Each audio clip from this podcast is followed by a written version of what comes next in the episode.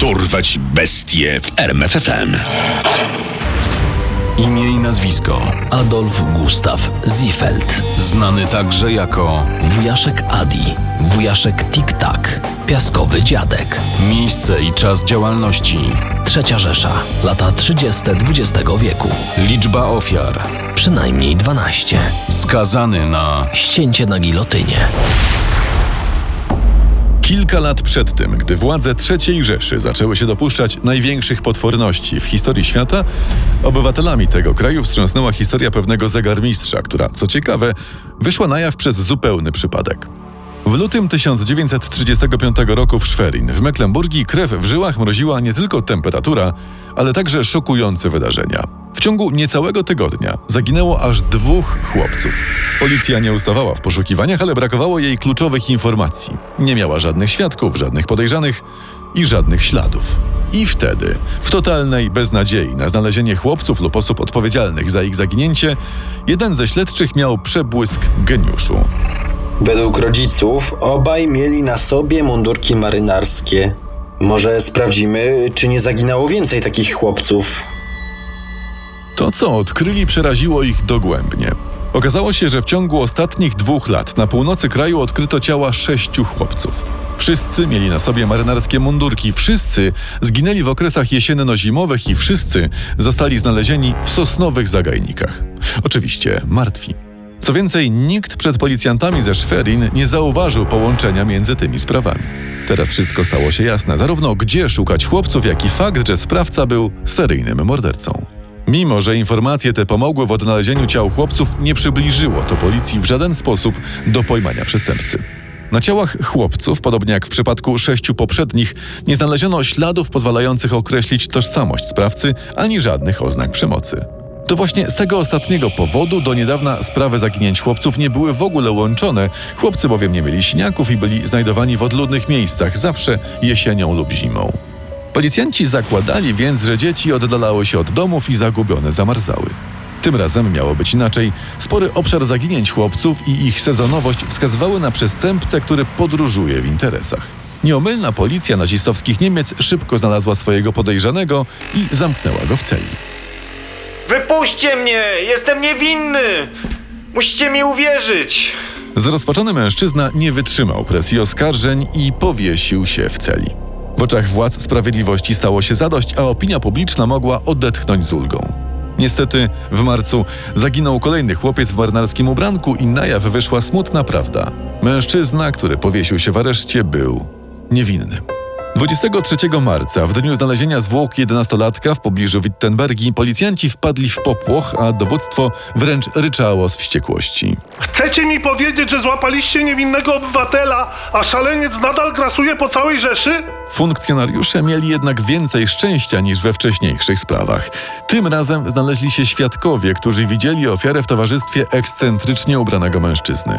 Przesłuchane dzieci nazwały tego mężczyznę wujaszkiem Tik-Tak. Informacje te pozornie nie były wiele warte, ale śledczy zabrali się za przeszukiwanie kartotek i szybko trafili na nazwisko, które niezwykle ich zainteresowało.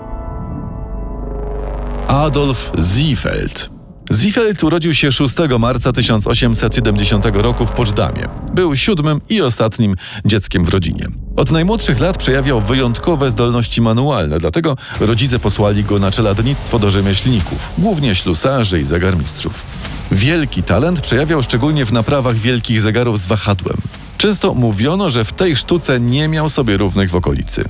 Talent ten jednak nie uchronił go przed okropieństwami tego świata. Gdy miał 12 lat, był wielokrotnie wykorzystywany seksualnie przez dwóch mężczyzn, prawdopodobnie rzemieślników, u których terminował. Te wydarzenia rzucały się cieniem na całe jego życie. W wieku 25 lat sam stał się oprawcą i trafił do więzienia za molestowanie chłopca. W trakcie procesu psychiatrzy uznali go za niestabilnego emocjonalnie, dlatego sporą część swojego życia Ziefeld spędzał w szpitalach psychiatrycznych i w więzieniach. W 1890 roku poznał i poślubił Katarinę, z którą doczekał się syna. Małżeństwo rozpadło się jednak w roku 1910, gdy ich syn, idąc w ślady ojca we wieku 19 lat, trafił do szpitala psychiatrycznego za zbrodnie przeciw moralności. Ja już nie mogę. To ty i te twoje wynaturzenia. To przez ciebie mój syn taki jest. Adolf większość swojego życia na wolności spędzał jako zegarmistrz, wędrujący od miasta do miasta i sprzedający kieszonkowe zegarki oraz oferujący swoje usługi i talenty w naprawianiu zabytkowych zegarów. Wędrowny tryb życia był także zaletą dla jego mroczniejszej strony, ponieważ dzięki niemu często unikał podejrzeń o molestowanie dzieci, którego niejednokrotnie się dopuszczał. Wszystko skończyło się w kwietniu 1935 roku. To właśnie wtedy policjanci poszukujący mordercy chłopców w marynarskich ubrankach aresztowali Adolfa Ziefelda i przedstawili mu zarzuty. Nie zaprzeczam. Molestowałem tych chłopców, ale muszę kategorycznie zaznaczyć, żadnego z nich nie zabiłem. Policja i prokuratura miały problem. W zasadzie nie miały żadnych dowodów na to, że Ziefeld mordował dzieci. Na ciałach nie było śladów przemocy, a w organizmach tych, których zbadano, nie wykryto trucizn.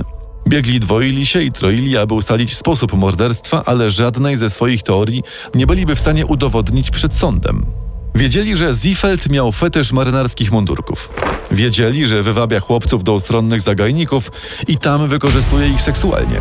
Ale nie umieli powiązać go z samymi morderstwami. Policjanci i biegli spędzili niemal rok, próbując bezskutecznie zebrać materiał dowodowy, który pozwoliłby im bez żadnej wątpliwości skazać Ziefelda. Tymczasem gazety w Rzeszy, a nawet w krajach ościennych, w tym w Polsce, rozpisywały się o dziwnym potworze, o piaskowym dziadku, który wykorzystywał dzieci i zabijał je w niewyjaśniony sposób. Presja mediów sprawiła, że prokuratura nie mogła dłużej czekać. Musimy ruszyć z procesem. Zwykła policja nie daje rady, dlatego trzeba sięgnąć po gestapo. Z przesłuchań przez gestapo nie zachowało się zbyt wiele dokumentów, ale podobno w ich trakcie Adolf przyznał się do podawania dzieciom specjalnej, niewykrywalnej trucizny własnej roboty. Współcześnie ta wersja wydaje się wątpliwa, szczególnie, że została wyciągnięta w wyniku stosowania wymyślnych tortur. Jednak w 1936 wystarczyłaby ruszyć z procesem.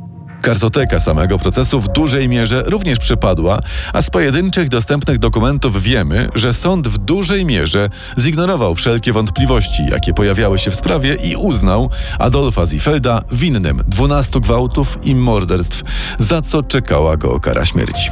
W dokumentacji nie widać żadnych wzmianek o próbie apelacji. Prawnik Ziefelda zdecydował się tylko na złożenie podania o ułaskawienie, jednak zostało ono odrzucone w maju 1936 roku.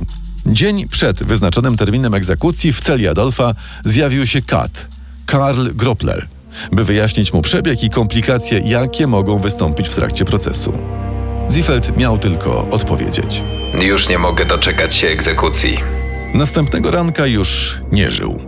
To, co pozostało, to tajemnica, jak i czy w ogóle to on zabijał swoje ofiary. Wielu ekspertów szczerze wątpi w rewelacje wyciągnięte z Adolfa przez Gestapo. Jednym z nich był pisarz Hans Pfeiffer, często piszący o historiach prawdziwych zbrodni. Opierając się na kilku niezbyt pewnych źródłach i szczątkowych zeznaniach, jakie się zachowały, teoretyzował on, że Ziefeld był ekspertem od hipnozy. Czy to możliwe, że morderca wprowadzał chłopców w głęboki trans i zostawiał na zamarznięcie?